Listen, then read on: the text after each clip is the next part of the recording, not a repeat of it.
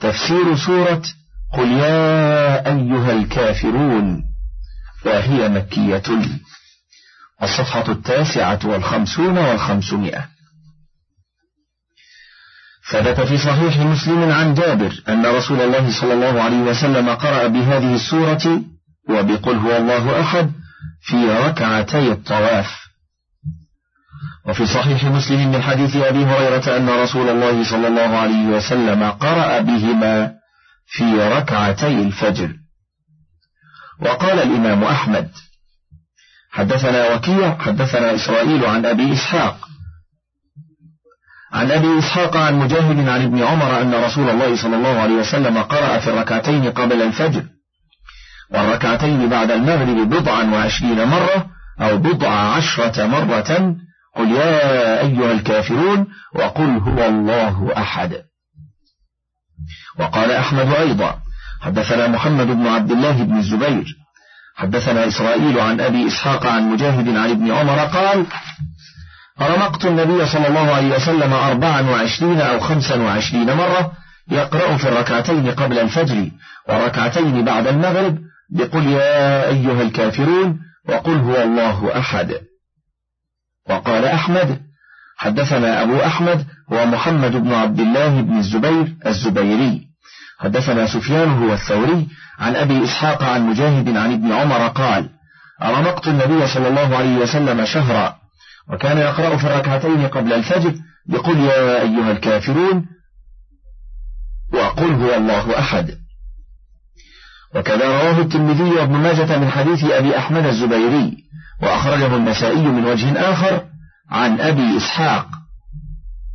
عن أبي إسحاق به وقال الترمذي هذا حديث حسن. وقد تقدم في الحديث أنها تعدل ربع القرآن. وإذا زلزلت تعدل ربع القرآن. وقال الإمام أحمد حدثنا هاشم بن القاسم حدثنا زهير حدثنا أبو إسحاق عن فروة بن نوفل هو ابن معاوية عن أبيه أن رسول الله صلى الله عليه وسلم قال له هل لك في ربيبة لنا تكفلها؟ قال أراها زينب. قال ثم جاء. فسأله النبي صلى الله عليه وسلم عنها فقال ما فعلت الجارية؟ قال تركتها عند أمها. قال فمجيء ما جاء بك. قال جئت لتعلمني شيئا أقوله عند منامي. قال اقرأ. قل يا أيها الكافرون. ثم نم على خاتمتها فإنها براءة من الشرك. ففرد به أحمد. وقال أبو القاسم الطبراني حدثنا أحمد بن عمر القطراني. حدثنا محمد بن الطفيل. حدثنا شريك. عن أبي إسحاق عن جبلة بن حارثة وهو أخو زيد بن حارثة أن النبي صلى الله عليه وسلم قال إذا أويت إلى فراشك فاقرأ قل يا أيها الكافرون حتى تمر بآخرها فإنها براءة من الشرك. وروى الطبراني من طريق شريك عن جابر عن معقل الزبيدي عن عبد الرحمن بن هامش كذاب الأصل لا شيء بعد كلمة ابن. انتهى. عن عبد الرحمن بن أن رسول الله صلى الله عليه وسلم كان إذا أخذ مضجعه قرأ قل يا أيها الكافرون حتى يختمها. وقال الإمام أحمد حدثنا حجاج حدثنا شريك عن أبي إسحاق عن فروة بن نوفل عن الحارث بن جبلة قال قلت يا رسول الله علمني شيئا أقوله عند منامي. قال إذا أخذت مضجعك من الليل فاقرأ. قل يا أيها الكافرون فإنها براءة من الشرك. والله أعلم. بسم الله الرحمن الرحيم. قل يا أيها الكافرون لا أعبد ما تعبدون ولا أنتم عابدون ما أعبد. ولا أنا عابد ما عبدتم ولا أنتم عابدون ما أعبد لكم دينكم ولي دين. هذه السورة سورة البراءة من العمل الذي يعمله المشركون وهي آمرة بالإخلاص فيه. فقوله تعالى قل يا أيها الكافرون يشمل كل كافر على وجه الأرض. ولكن المواجهون بهذا الخطاب هم كفار قريش. وقيل إنهم من جهلهم دعوا رسول الله صلى الله عليه وسلم إلى عبادة أوثانهم سنة ويعبدون معبوده سنة. فأنزل الله هذه السورة وأمر رسوله صلى الله عليه وسلم فيها أن يتبرأ من دينهم بالكلية. فقال لا أعبد ما تعبدون. يعني من الأصنام والأنداد. ولا أنتم عابدون ما أعبد وهو الله وحده لا شريك له. فما ها هنا بمعنى من؟ ثم قال ولا أنا عابد ما عبدتم ولا أنتم عابدون ما أعبد. أي ولا أعبد عبادتكم أي لا أسلكها ولا أقتدي بها. وإنما أعبد الله على الوجه الذي يحبه ويرضاه. ولهذا قال ولا أنتم عابدون ما أعبد. أي لا تقتدون بأوامر الله وشرعه في عبادته بل قد اخترعتم شيئا من تلقاء أنفسكم كما قال إن يتبعون إلا الظن وما تهوى الأنفس ولقد جاءهم من ربهم الهدى.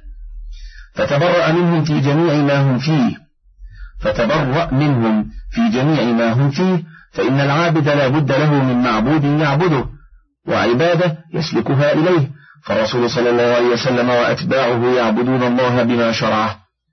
ولهذا كان كلمة الإسلام لا إله إلا الله محمد رسول الله.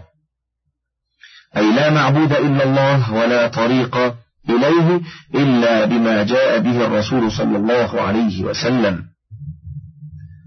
والمشركون يعبدون غير الله عبادة لم يأذن بها الله.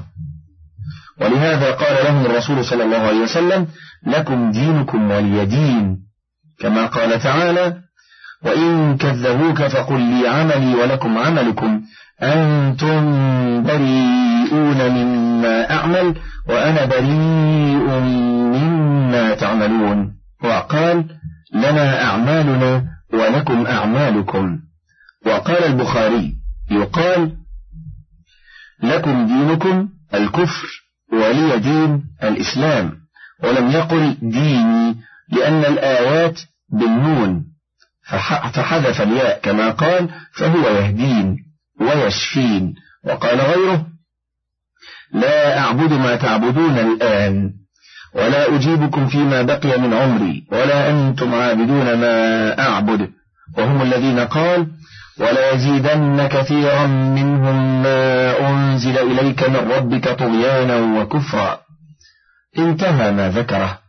ونقل ابن جرير عن بعض أهل العربية أن ذلك من باب التأكيد كقوله فإن مع العسر يسرا إن مع العسر يسرا. وكقوله لترون الجحيم ثم لترونها عين اليقين. وحكاه بعضهم كابن الجوزي وغيره عن ابن قتيبة فالله أعلم. فهذه ثلاثة أقوال. أولها ما ذكرناه أولا. الثاني ما حكاه البخاري وغيره من المفسرين أن المراد لا أعبد ما تعبدون ولا أنتم عابدون ما أعبد. في الماضي ولا أنا عابد ما عبدتم ولا أنتم عابدون ما أعبد. في المستقبل. الثالث أن ذلك تأكيد محض.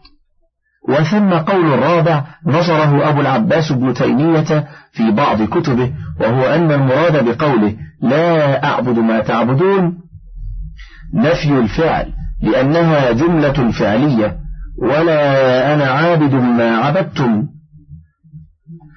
نفي قبوله لذلك بالكلية لأن النفي بالجملة الإسمية آكد. فكأنه نفى الفعل وكونه قابلا لذلك ومعناه نفي الوقوع ونفي الإمكان الشرعي أيضا وهو قول حسن أيضا والله أعلم.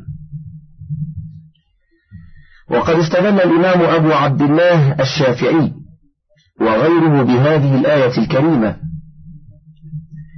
لكم دينكم ولي دين على أن الكفر كله ملة واحدة.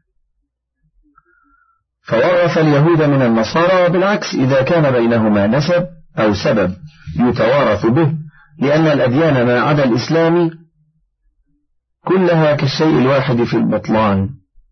وذهب أحمد بن حنبل ومن وافقه إلى عدم توريث النصارى من اليهود وبالعكس.